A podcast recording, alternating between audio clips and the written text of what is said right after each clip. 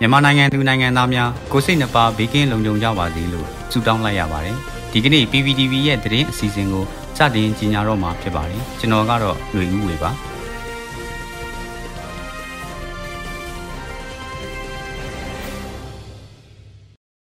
အကြံဖက်စစ်ကောင်စီလက်အောက်ခံတစ်တော်ဦးစီးဌာနမှတစ္ဆပဝန်ထမ်း12ဦးကိုအမျိုးသားညီညွတ်ရေးအစိုးရတယံဇာတနှင့်တဘာဝပတ်ဝန်းကျင်ထိန်းသိမ်းရေးဝန်ကြီးဌာနကအမည်ပြည့်စည်ရင်သွင်းလိုက်ကြောင်း ထုတ်ပြန်ကြေညာလိုက်တဲ့သတင်းကိုတင်ဆက်ပေးသွားမှာဖြစ်ပါတယ်။အမျိုးသားညီညွတ်ရေးအစိုးရတယံဇာတနှင့်တဘာဝပတ်ဝန်းကျင်ထိန်းသိမ်းရေးဝန်ကြီးဌာနပြည်ထောင်စုဝန်ကြီးရုံးရဲ့ဇူလိုင်လ10ရက်နေ့မှာပြုလုပ်တဲ့အစည်းအဝေးအမှတ်စဉ်9အရာအကြံဖက်စစ်ကောင်စီလက်အောက်ခံတစ်တော်ဦးစီးဌာနမှညွှန်ကြားရေးမှူးချုပ်တဦးဒုတိယညွှန်ကြားရေးမှူးချုပ်2ဦးနဲ့ညွှန်ကြားရေးမှူး10ဦးကိုဒီကနေ့ဇူလိုင်လ12ရက်နေ့ရက်စွဲနဲ့အမည်ပြည့်စည်ရင်ထုတ်ပြန်ကြေညာခဲ့ပါတယ်။အဆိုပါတစ္ဆပဝန်ထမ်း12ဦးဟာ နိုင်ငံတော်နှင့်ပြည်သူ့အတွက်အာဏာဖီဆန်ရေးလှုပ်ရှားမှုပြုလုပ်နေကြတဲ့တစ်တော်ဦးစီးဌာနကဝန်ထမ်းတွေကိုဖိအားပေးခြင်းချင်းချောက်ခြင်းဝန်ထမ်းအဖြစ်မှထုတ်ပယ်ခြင်းပြန်လည်ပေးဆက်ရန်မလိုသည့်ကြီးမြင့်ငွေနှင့်ရော်ကြီးများတောင်းခံပြီးပြန်လည်ပေးသွင်းခြင်းမပြုပါကတရားစွဲမိဟုဆိုကာစစ်ကောင်စီရန်ရာလက်ပတ်ရေးအတွက်စွမ်းစွမ်းတမန်ဆောင်ရွက်နေသူတွေဖြစ်တယ်လို့ထုတ်ပြန်ချက်မှာဖော်ပြထားတာတွေ့ရပါတယ်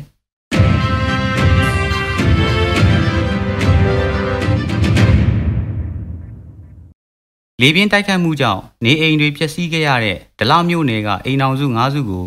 အမျိုးသားညီညွတ်ရေးအစိုးရလူသားချင်းစာနာထောက်ထားရေးနှင့်ဘေးအန္တရာယ်ဆိုင်ရာစီမံခန့်ခွဲရေးဝန်ကြီးဌာနကငွေကြေးထောက်ပံ့ကူညီပေးခဲ့တဲ့တဲ့ရင်ကိုဆက်လက်တင်ဆက်ပေးသွားမှာဖြစ်ပါတယ်။ရန်ကုန်တိုင်းဒေသကြီးဒလမြို့နယ်မှာ2ရက်9လ2021ရက်နေ့က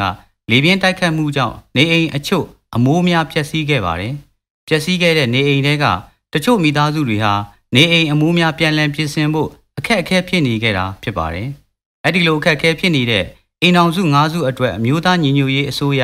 လူသားချင်းစာနာထောက်ထားရေးနှင့်ဘေးအန္တရာယ်ဆိုင်ရာစီမံခန့်ခွဲရေးဝန်ကြီးဌာနကတအိမ်တော်လင်းတသိန်းကျပ်ဖြင့်စုစုပေါင်းငွေကျပ်9သိန်းကို9ရက်9လ2021တွင် ပေးဖို့ထောက်ပံ့ခဲ့တာဖြစ်ပါတယ်။အမျိုးသားညီညွတ်ရေးအစိုးရလူသားချင်းစာနာထောက်ထားရေးနှင့် ဘေးအန္တရာယ်ဆိုင်ရာစီမံခန့်ခွဲရေးဝန်ကြီးဌာနအနေနဲ့မြန်မာနိုင်ငံတွင်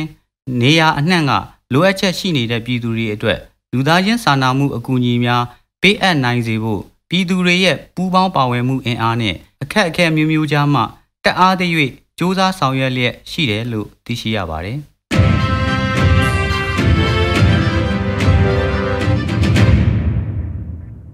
အင်းစိန်ထောင်တွင် ကိုဗစ်ကူးစက်မှုတွေရှိနေပြီးအကြမ်းဖက်စစ်ကောင်စီက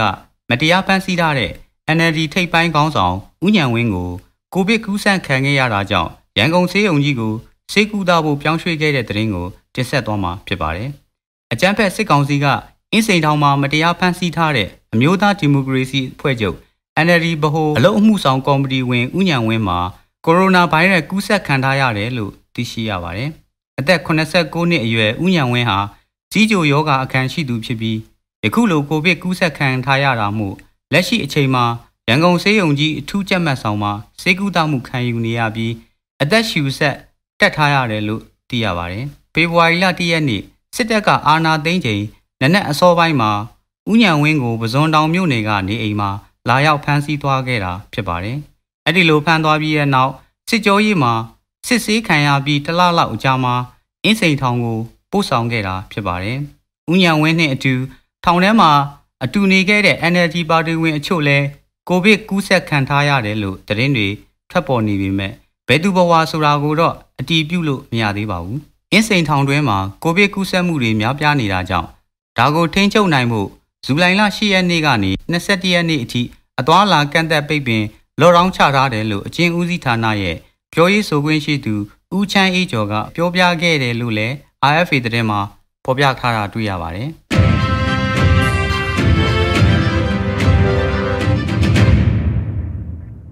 အပြည်ပြည်ဆိုင်ရာလူ့အခွင့်အရေးအခြေအနေပုံမှန်သုံးသပ်မှု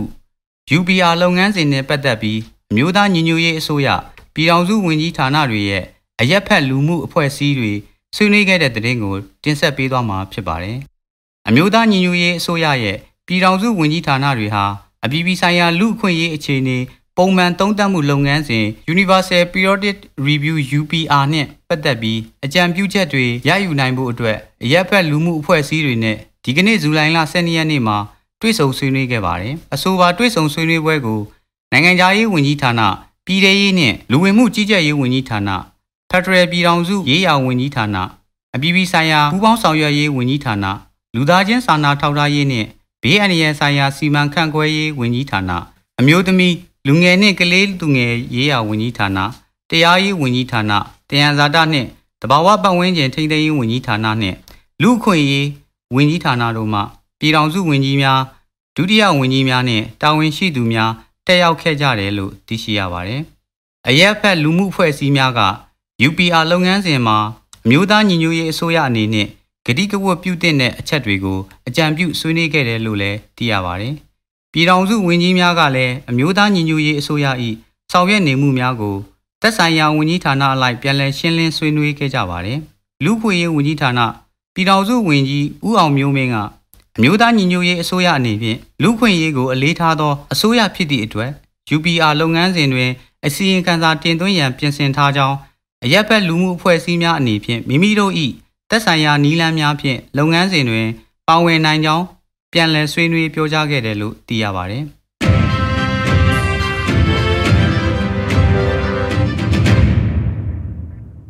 မင်းငင်းမြို့နယ်ပန်းဆက်ရွာမှာတက်ဆွဲထားတဲ့စစ်ကောင်စီတပ်နှင့်ပြူစောတိအဖွဲ့ဝင်တွေဟာ